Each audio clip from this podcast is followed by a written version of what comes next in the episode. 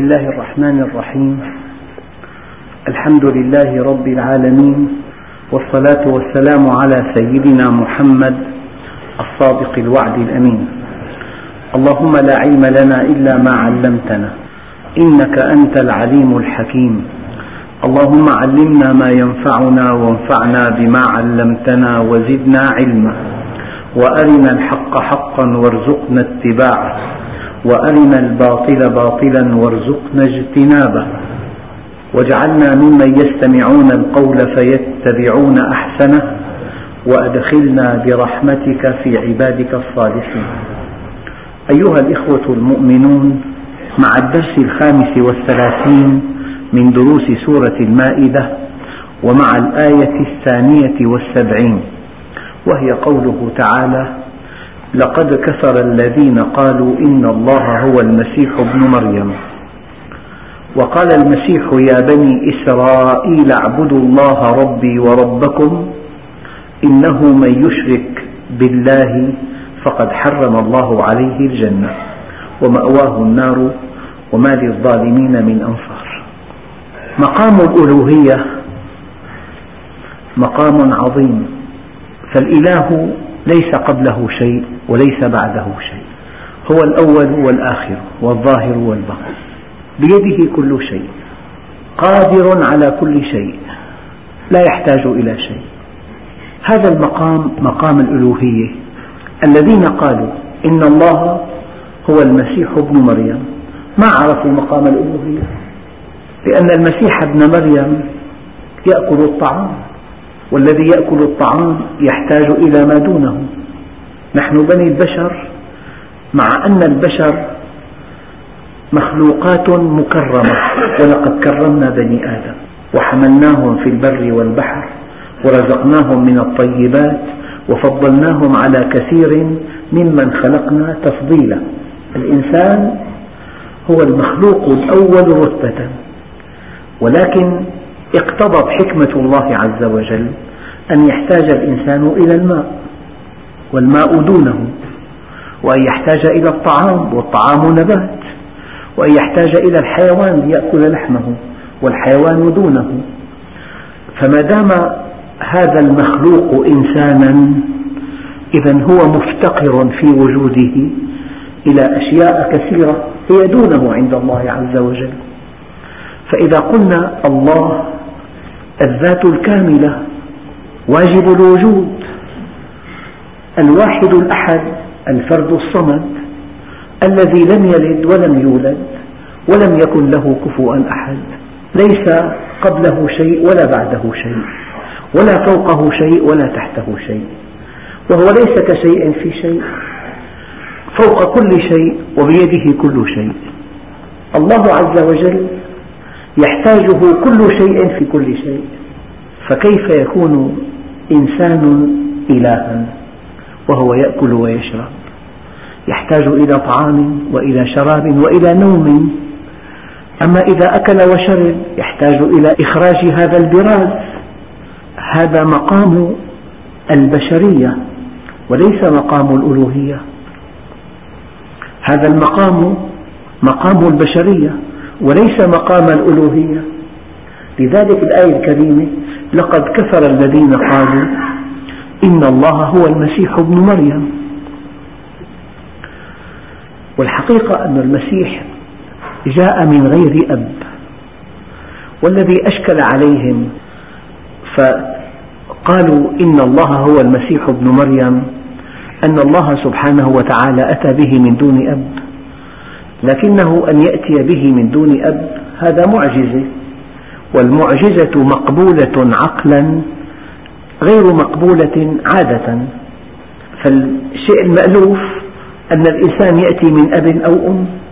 فإذا كان هناك مشكلة في أن يكون المسيح ابن مريم بلا أب فآدم بلا أب ولا أم والمسيح ابن مريم بلا أب وحواء بلا أم من ضلع آدم وقد تجد زوجين شابين لا ينجبان هذا الكلام معناه أن هناك سبب وهناك نتيجة وأن اقتران السبب بالنتيجة. اقتران لا يعني أن السبب خالق النتيجة. تلازما السبب أتى قبل النتيجة تلازما. شاءت حكمة الله أن يكون لكل نتيجة سبب لكن السبب ليس خالق النتيجة. بدليل أن الله عز وجل في أي لحظة يعطل هذا السبب. فالسبب موجود لكنه لا يفعل. وأحيانا يلغى السبب بلا سبب تكون النتيجة. بسبب لا تكون نتيجة ومن غير سبب تكون النتيجة. إذا السبب ليس خالق النتيجة. لكن الله سبحانه وتعالى كي تستقر الحياة بأنظمة وقوانين جعل لكل نتيجة سببا. إنا مكنا له في الأرض وآتيناه من كل شيء سببا فأتبع سببا نظام الكون كي يتسق مع نظام العقل بالعقل في مبدأ السببية والكون بني على نظام السبب. الماء يأتي من بئر والبئر يحتاج إلى حفر. النبات ينبت من بذر والبذر يحتاج إلى زرع. والطفل يأتي من أب وأم إذا لا بد من زواج. هذا في أعم الأغلب ولئلا نتوهم أن السبب يخلق النتيجة ولئلا نؤله الأسباب كما يفعل أهل الغرب من حين لآخر تعطل هذه الأسباب تكون النتيجة من دون سبب كالسيد المسيح وأحيانا تلغى فيتزوج شابان في ريعان الشباب ولا ينجبان ويجعل من يشاء عقيما فالسبب إما أن يلغى وإما أن يعطل معنى ذلك أن السبب ليس خالق النتيجة هذا الموضوع يقودنا إلى موضوع عقدي أهل الغرب ألهوا الأسباب واعتمدوا عليها فوقعوا في الشرك وهؤلاء أهل الشرق الذين تخلفوا لم يأخذوا بالأسباب فعصوا. فالذين أخذوا بالأسباب ونسوا خالق الأسباب ومسبب الأسباب وقعوا في الشرك والذين لم يأخذوا بالأسباب وقعوا في المعصية. السبب لا يخلق النتيجة لكن الله سبحانه وتعالى شاءت حكمته أن يأتي السبب قبل النتيجة كي تستقر الحياة وكي تنتظم الأمور. فالذهب ذهب الفضة فضة. كل شيء له سبب صهر الذهب يحتاج إلى حرارة. وتجميد الماء يحتاج إلى برودة.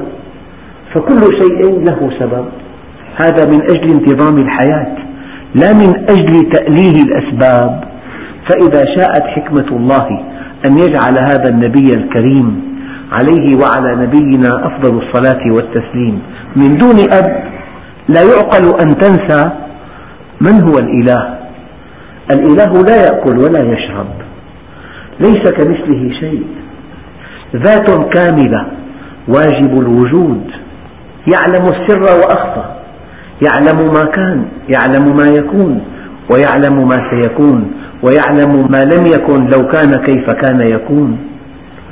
هو الأول والآخر والظاهر والباطن. ليس كمثله شيء. مقام الألوهية يقتضي أن الله صمد. لا يتوقف وجوده على جهة أخرى. أما نحن يتوقف وجودنا على استنشاق الهواء وعلى شرب الماء وعلى أكل الطعام والشراب. ونحتاج إلى أن ننام. ونحتاج إلى أن نخرج الفضلات. فالذي قال المسيح هو الله. ما عرف مقام الألوهية. مثلا قال هذه المركبة تحتاج إلى دفع من الخلف كي تسير. مركبة أحدث مركبة. غاب عنه أن فيها محرك أن قوته عالية جدا وأنها تنطلق بسرعة عالية جدا حتى في الصعود. قال لا تمشي إلا بالدفع.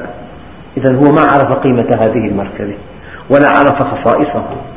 ولا روعة صنعها ولا دقة صنعها للتقريب فقط. فالذي قال لقد كفر الذين قالوا إن الله هو المسيح ابن مريم. يعني ما عرفوا مقام الألوهية. ما عرفوا أن الخالق يستغني عن كل خلقه. ما عرفوا أن الخالق ليس كمثله شيء. ما عرفوا أن الخالق لا يتوقف وجوده على طعام ولا على شراب. والله سبحانه وتعالى في آيات كثيرة يقول يصف الأنبياء بأنهم كانوا يأكلون الطعام. وهذه إشارة لطيفة جدا أن الذي يأكل الطعام لا يكون إلها لأن وجوده متوقف على شيء خارج عنه. إن لم نتنفس نموت إن لم نشرب نموت إن لم نأكل نموت إن لم نعالج نموت إن لم نخرج. نتيجة الاستقلاب واحتراق السكر نموت. لذلك لقد كفر الذين قالوا إن الله هو المسيح ابن مريم. يعني ما عرفوا مقام الألوهية. وقال المسيح يا بني إسرائيل اعبدوا الله ربي وربكم. إنه من يشرك بالله فقد حرم الله عليه الجنة. ومأواه النار وما للظالمين من أنصار. الله عز وجل عنده كل شيء. عنده سلامتك وعنده سعادتك وعنده جنة عرضها السماوات والأرض. إذا اتجهت إلى غيره ما في شيء. إنه من يشرك بالله فقد حرم الله عليه الجنة. يعني أنت تركب مركبة إلى حلب لتأخذ مبلغ فلكي. الساعة الثانية عشرة. وقد ترتكب أخطاء كثيرة وأنت راكب هذه المركبة. ولكنها في طريقها إلى حلب. لكن الخطأ القاتل أن تركب مركبة باتجاه درعا والقبض بحلب. اتجهت إلى جهة ليس عندها شيء. المشكلة أنك إذا اتجهت إلى غير الله غير الله مخلوق. لا يملك لك نفعا ولا ضرا ولا موتا ولا حياة ولا نشورا فأي إنسان يتجه إلى غير الله؟ اتجه إلى لا شيء. لذلك يقول الله عز وجل يقول لنبيه الكريم قل لا أعلم الغيب. قل لا أملك لنفسي نفعا ولا ضرا. هذا مقام البشر. هذا أعلى إنسان على وجه الأرض. هذا سيد الخلق وحبيب الحق. لا يعلم الغيب. ولا يملك لنا نفعا ولا ضرا. بل إنه لا يملك لنفسه نفعا ولا ضرا. فإذا كان لا يملك لنفسه نفعا ولا ضرا فلأن لا يملك لنا نفعا ولا ضرا من باب أولى. هذا مقام البشرية. أما مقام الألوهية بيده كل شيء. خالق كل شيء. قادر على كل شيء. يعلم كل شيء. علمه مطلق. قدرته مطلقة. لا يعجزه شيء. ليس قبله شيء. وليس بعده شيء. وهو في كل شيء. لا كشيء في شيء. علم ما كان. وعلم ما يكون وما سيكون وما لم يكن لو كان كيف كان يكون. فالذي يقول الإله هو فلان إذا هو لا يعرف الله. يعني فرضا جيش مؤلف من خمسمئة فرقة ويقول هذه النملة تقود هذا الجيش. ما عرف ما هو الجيش؟ جيش أسلحة برية وبحرية وجوية وقنابل ذرية. قواعد صاروخية وحاملات طائرات مثلا ويقول هذه النملة تقود هذا الجيش. إذا لا يعرف ما هو الجيش. فحينما تقول هذا الإنسان إله أنت لا تعرف ما الإله. إطلاقا. لقد كفر الذين قالوا إن الله هو المسيح ابن مريم وقال المسيح يا بني إسرائيل اعبدوا الله ربي وربكم. كما أنه ربكم هو ربي. وكما أنكم عبيد. أنا عبد لله أيضا. إنه من يشرك بالله. فقد حرم الله عليه الجنة. تحريم حكمي. اتجهت إلى غير الله. يعني إنسان يكاد يموت عطشا. واتجه إلى صخرة صماء. ليس فيها إلا الموت. لكنه إذا اتجه إلى نبع ماء عذب فرات اتجه إلى الحياة. فقد حرم الله عليه الجنة ومأواه النار هو حينما لم يؤمن بالله الواحد القهار ولم يتجه إليه ولم يتقرب منه توجه إلى بشر لا يملك لنا نفعا ولا ضرا. إذا ليس عند هذا البشر شيء. وما للظالمين من أنصار حينما يقعون في قبضة عدالة الله عز وجل. طبعا هذه المقولة إن الله هو المسيح ابن مريم. في مقولة ثانية أأنت قلت للناس اتخذوني وأمي إلهين من دون الله؟ المقولة الثالثة أن هناك إلهين المسيح والسيدة مريم. المقولة الثالثة إن الله ثالث ثلاثة. يعني فيه ثلاث آلهة الله أحدهم. ثلاث مقولات يعني فرقة قالت الله هو المسيح ابن مريم. وفرقة قالت إن الله ثالث ثلاثة وفرقة قالت أن الإله هو المسيح ابن مريم وأمه.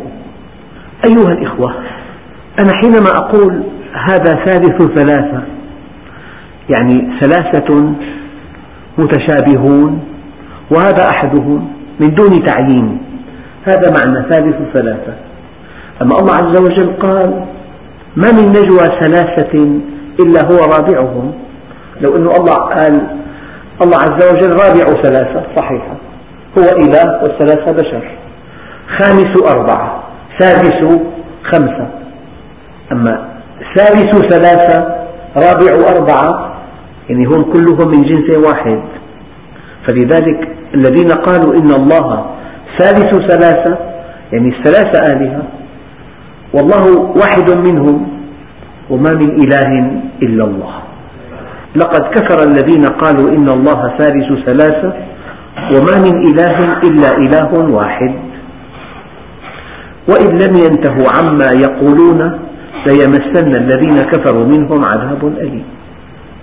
أيضا افتراء على الله أن تجعل له ندا من البشر. أيها الإخوة الأنبياء في بعض الآيات يأكلون الطعام ويمشون في الأسواق. هل فكرتم في دلالة هذه الآية؟ يأكلون الطعام أي هم مفتقرون في وجودهم إلى تناول الطعام. يعني مرة في بلد عربي أصابوا ثلج كثيف فالثلج قطع الطرق وفي فئة قطعت في مكان بعيد عن الطعام والشراب. فاضطروا أن يأكلوا الجيف وأن يشربوا بوله. الإنسان مفتقر في وجوده إلى الطعام والشراب. فلمجرد أن تقول فلان يأكل ويشرب إذا هو بشر ليس إلها. الآن أنت مفتقر لشيء آخر. مفتقر إلى ثمن الطعام أن تمشي في الأسواق. أنت مفتقر إلى الطعام وإلى ثمن الطعام. وهذا شأن بني البشر جميعا. كل إنسان يذهب إلى عمله ليكسب رزقه ليشتري طعاما فيأكل. ولولا الحاجة إلى الطعام والشراب لما رأيت على وجه الأرض شيئا. كل هذه المنشآت وهذه المشاريع وهذه المعامل وتلك الزراعة وهذه التجارة وتلك الصناعة كل شيء تراه عينك بسبب أن الإنسان مفتقر في وجوده إلى الطعام والشراب. إذا في دلالة عميقة جدا حينما يقول الله عز وجل يأكلون الطعام ويمشون في الأسواق. هم مفتقرون في وجودهم إلى تناول الطعام. ومفتقرون في ثمن الطعام إلى أن يمشوا في الأسواق. لقد كفر الذين قالوا إن الله ثالث ثلاثة وما من إله إلا إله واحد. وإن لم ينتهوا عما يقولون ليمسن الذين كفروا منهم عذاب أليم.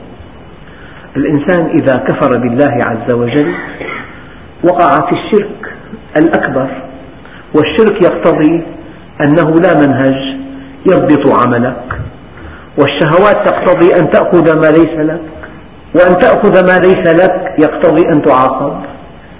شيء طبيعي جدا. تشرك فتتفلت من منهج الله. فتأخذ ما ليس لك فيعاقبك الله عز وجل. أفلا يتوبون إلى الله ويستغفرونه؟ والله غفور رحيم. ماذا تنتظر أيها المؤمن؟ ماذا تنتظر أيها المقصر؟ ماذا تنتظر أيها المشرك؟ أفلا يتوبون إلى الله من شركهم؟ وأفلا يستغفرونه من ذنوبهم؟ عنا شرك وعنا ذنب. الشرك خطأ اعتقادي. والذنب خطأ سلوكي. أفلا يتوبون إلى الله ويستغفرونه والله غفور رحيم. ما حقيقة المسيح؟ ما المسيح ابن مريم إلا رسول قد خلت من قبله الرسل وأمه صديقة صدقته. ومرتبة الصديقية مرتبة تأتي بعد مقام النبوة.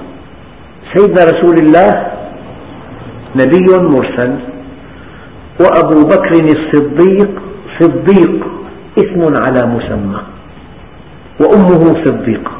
وفي إشارة لطيفة إلى بطلان هذا الادعاء أن المسيح هو الله. وأمه صديقة كانا يأكلان الطعام. فالذي يأكل الطعام ليس إلها والتي تأكل الطعام ليست إلها أيضا. كانا يأكلان الطعام. انظر كيف نبين لهم الآيات ثم انظر أنى يؤفكون. من هو الإله الذي ينبغي أن تعبده؟ ما صفات الإله الذي ينبغي أن تعبده؟ وأن تمحضه عمرك كله وأن تمحضه حبك وشبابك وشيخوختك ومالك ومحبتك. الإله الذي يملك لك نفعا وضرا وحياة وموتا. وسعادة وشقاء. من بيده أمرك من بيده سعادتك من بيده من دونك من بيده من فوقك من بيده أهلك من بيده صحتك من بيده سمعك وبصرك من بيده قوتك من بيده حركتك. الذي يملك لك نفعا وضرا وموتا وحياة ونشورا هو الإله الذي ينبغي أن تعبده. يا أيها الناس اعبدوا ربكم الذي خلقكم. ينبغي أن تعبد الخالق لا المخلوق والقوي لا الضعيف والذي يعلم لا الذي لا يعلم. ما المسيح ابن مريم؟ إلا رسول قد خلت من قبله الرسل وأمه صديقة كانا يأكلان الطعام. انظر كيف نبين لهم الآيات ثم انظر أنى يؤفكون. إلى أين ينصرفون؟ إلى إنسان ضعيف إلى إنسان يموت وكل مخلوق يموت ولا يبقى إلا ذو العزة والجبروت. والليل مهما طال فلا بد من طلوع الفجر والعمر مهما طال فلا بد من نزول القبر. وكل ابن أنثى وإن طالت سلامته يوما على آلة حدباء محمول وسبحان من قهر عباده بالموت. هو الحي الباقي على الدوام. قل أتعبدون من دون الله؟ ما لا يملك لكم ضرا ولا نفعا. لو دخلت إلى دائرة وفيها طوابق عديدة وفيها مئات الموظفين وطلبك لا يوافق عليه إلا المدير العام. وكل هؤلاء الموظفين لا يملكون موافقة على طلبك ولا تيسيرا لأمرك هل تضيع وقتك معهم؟ هل تبذل ماء وجهك أمامهم؟ هل تتضعضع أمامهم؟ قضية بيد المدير العام فهذا الذي يعبد من دون الله ما لا يملك له ضرا ولا نفعا والله هو السميع العليم حينما يعبد غير الله فالله عز وجل يسمع شركه وإذا أبقى الشرك في نفسه وفي خاطره يعلم حديث نفسه وخاطره سميع لما يقول من كلام الشرك وعليم لما يجول في خاطره من كلام الشرك.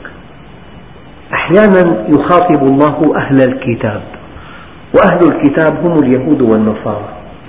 فإذا كان الخطاب في موضوع مشترك بينهما قال الله عز وجل يا أهل الكتاب فإذا كان الخطاب لبني إسرائيل يخاطبهم يا بني إسرائيل أما حينما يأتي الخطاب لأهل الكتاب هو يجمع الله بين اليهود والنصارى في آية واحدة قل يا أهل الكتاب لا تغلوا في دينكم.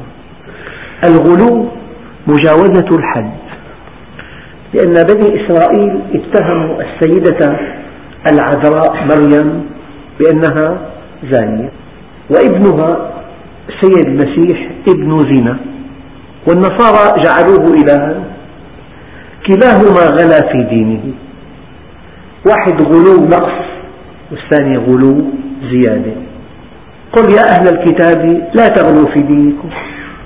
وهذه الآية موجهة إلينا أيضا. الشيخ لا ترفعه فوق مقامه.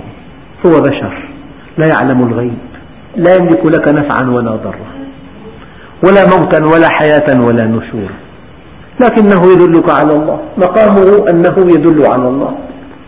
وإذا كان متين الصلة بالله يعني أن تعامله تشعر براحته. لا تصاحب من لا ينهض بك إلى الله حاله ويدلك على الله مقاله. هذا مقام الشيخ أكثر ما في. أما أنه يعلم الغيب أنه يراك في بيتك وكيف تتقلب في فراشك نحن كمسلمين إما أن نرفع الشيخ فنجعله إلها وإما أن نكذب كل الشيوخ وكلاهما غلط وكلاهما غلو. أعط كل ذي حق حقه. لا تغلوا في دينكم. كل ما يجري قضاء وقدر. فعلا. لكن تسعة وتسعين بالمئة مما يجري نحن سببه. فإذا عزوت كل أخطائك إلى القضاء والقدر هذا غلو في الدين.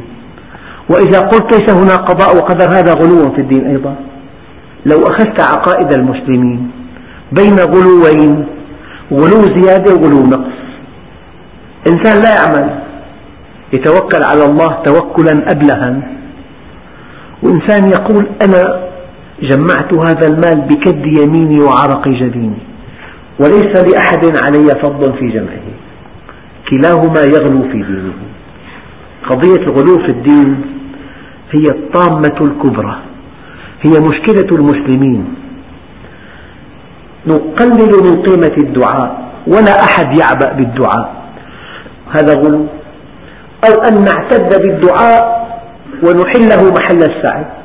فقط الدعاء. الدعاء من دون سعي غلو. والسعي من دون دعاء غلو.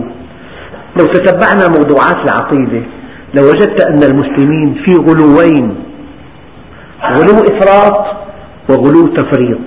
غلو مبالغة وغلو تقليل. غلو زيادة وغلو نقص.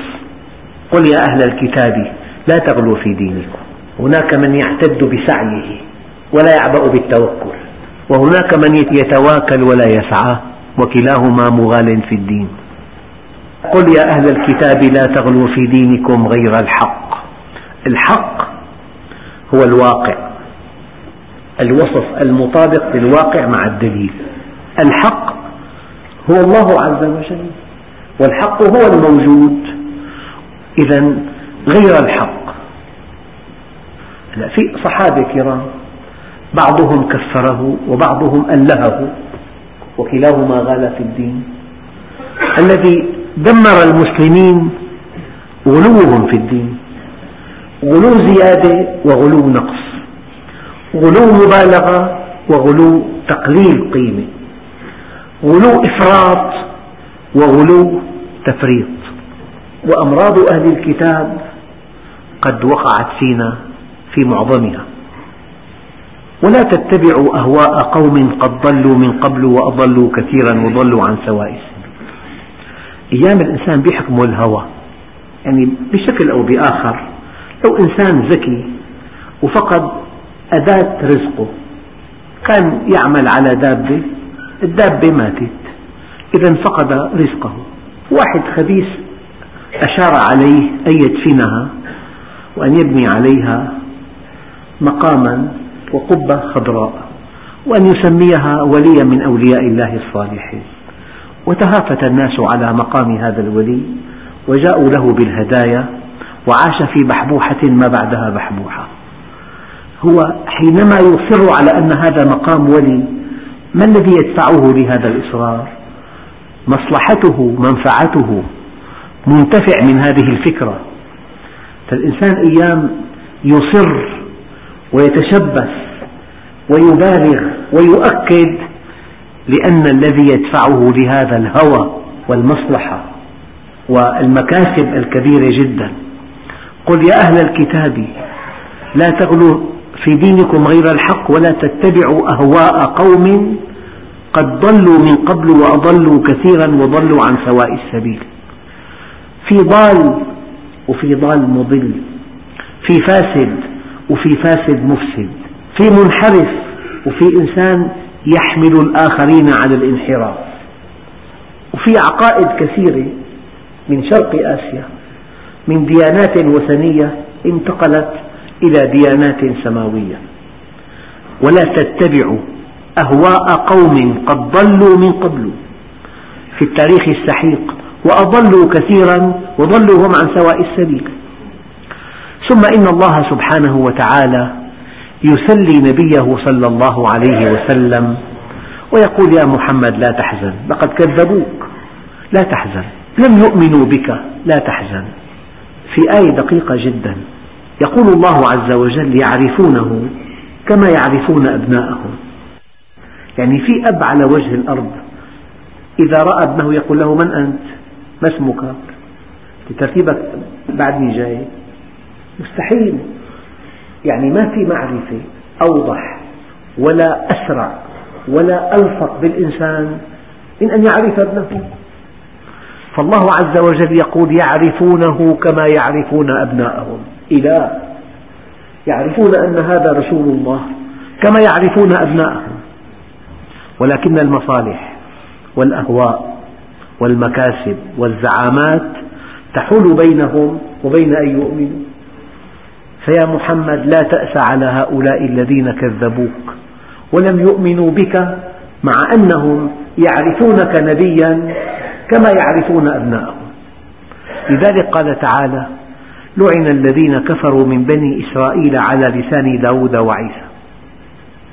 يعني هم كذبوا سيدنا داود وكذبوا سيدنا عيسى. وهذه مأساة الأنبياء جميعا.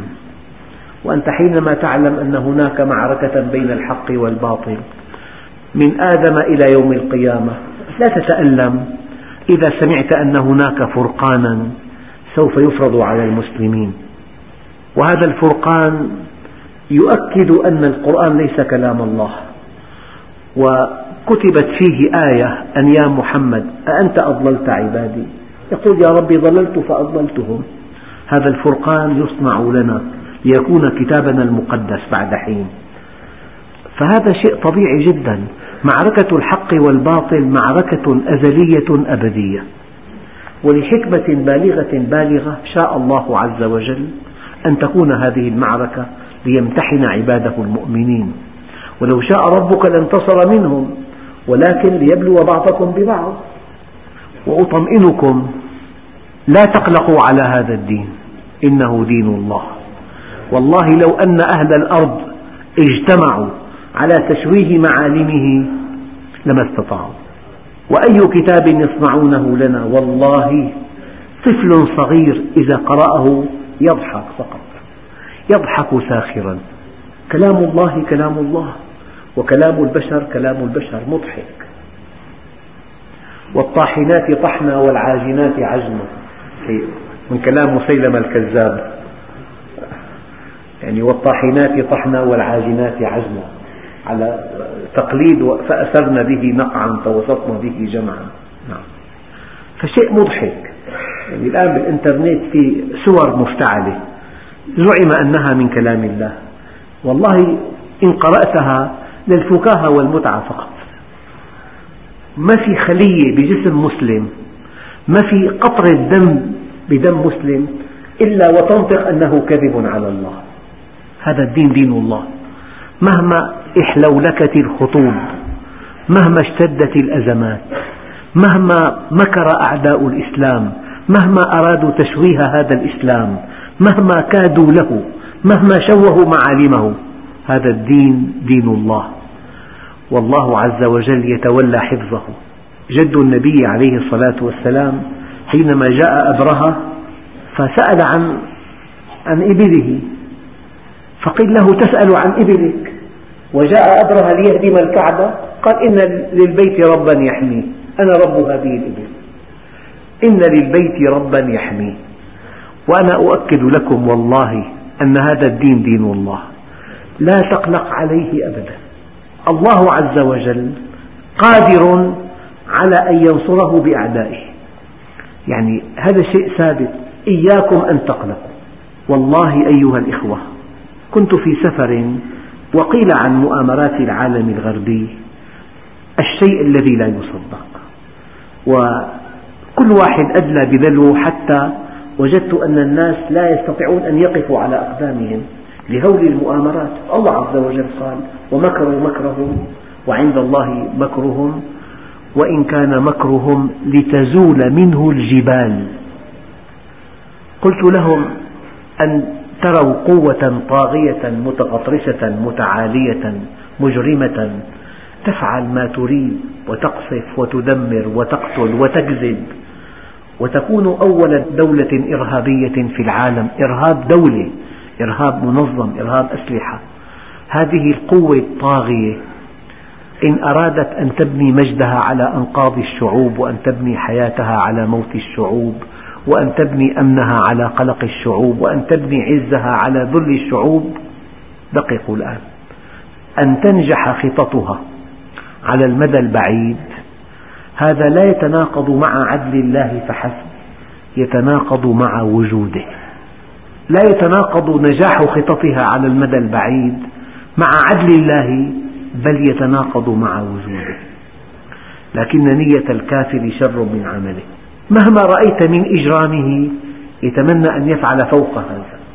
لكن الله لهم بالمرصاد. يجب أن يكون اعتمادنا على الله قويا. هذا الدين دينه. ولكن ينبغي أن نقلق. ما إذا سمح الله لنا أو لم يسمح أن ننصر دينه. لعن الذين كفروا من بني إسرائيل على لسان داود وعيسى ابن مريم. ذلك بما عصوا وكانوا يعتدون. المخالفة الداخلية اسمها معصية. أما التي تنتهي بعدوان على الآخرين اسمها عدوان. هم فيما بينهم وبين أنفسهم عصوا وفي علاقاتهم بالآخرين اعتدوا. ذلك بما عصوا وكانوا يعتدون كانوا لا يتناهون عن منكر فعلوه. يعني إنسان يقتل تقوم الدنيا ولا تقعد. رؤساء الدول يصرحون. ومئة إنسان يقتل بقصف قصف في خطأ. لا أحد ينطق بكلمة. أرأيت إلى هذا الصمت المخزي؟ كأن الإنسان المسلم بلا ثمن. فلذلك كانوا لا يتناهون عن منكر فعلوه. يعني قتل امرئ في غابة جريمة لا تغتفر وقتل شعب مسلم مسألة فيها نظر. مرة قصفوا مكان في عرس أربعين قتيل مرة أربعة وعشرين مرة مئة وخمسة وعشرين. ولا أحد ينطق ولا أحد يستنكر ولا إنسان يقوم في بلد يندد أبدا. صمت عالمي مطبق أن الميت مسلم ولا قيمة له. أما يموت إنسان وقد يكون قتله خطأ كبير لكن الدنيا تقوم ولا تقعد. تصريحات وتنديدات واستنكار. كانوا لا يتناهون عن منكر فعلوه. لبئس ما كانوا يفعلون. ترى كثيرا منهم يتولون الذين كفروا. لبئس ما قدمت لهم أنفسهم أن سخط الله عليهم وفي العذاب هم خالدون. هذا الذي يتولى أهل البغي والعدوان يواليهم يقدم لهم المعلومات المشورة كي يعتدوا على بقية الشعوب. يعني أقول لكم هذه الكلمة. الإنسان إذا لم يكن طرفا في مؤامرة قذرة هدفها إفقار المسلمين وإضلالهم وإذلالهم وإفسادهم فهو في عيشة راضية. إن لم تكن طرفا في مؤامرة قذرة لكن هؤلاء الذين يقدمون الخطط والمؤامرات كي يسلكوا بالمسلمين لبئس ما كانوا يصنعون. والآن يا أخوان يقومون بعمل يموت مئات الأشخاص والذي صنعه ليس المسلمون لكنهم بخطط ماكرة ذكية يصنعون عملا يخرج الناس من جلدهم وينسب إلى المسلمين. أيها الإخوة اليهود كانوا خصوما ألداء للسيد المسيح. هل استطاع أن يوقع بهم الضرر أو أن يقمعهم؟ لم يستطع. والحواريون كانوا أنصاره هل استطاع أن ينفعهم؟ فكيف يكون إلها؟ ومن كان يدير الكون قبله؟ شيء واضح كالشمس. أيها الإخوة ولو كانوا يؤمنون بالله والنبي وما أنزل إليه ما اتخذوهم أولياء ولكن كثيرا منهم فاسقون. يعني الإنسان يوالي جهة ليبطل الحق وليغير معالمه. هذا لا يمكن أن يكون مؤمنا بالله عز وجل. وفي درس قادم إن شاء الله نتابع هذه الآيات والحمد لله رب العالمين.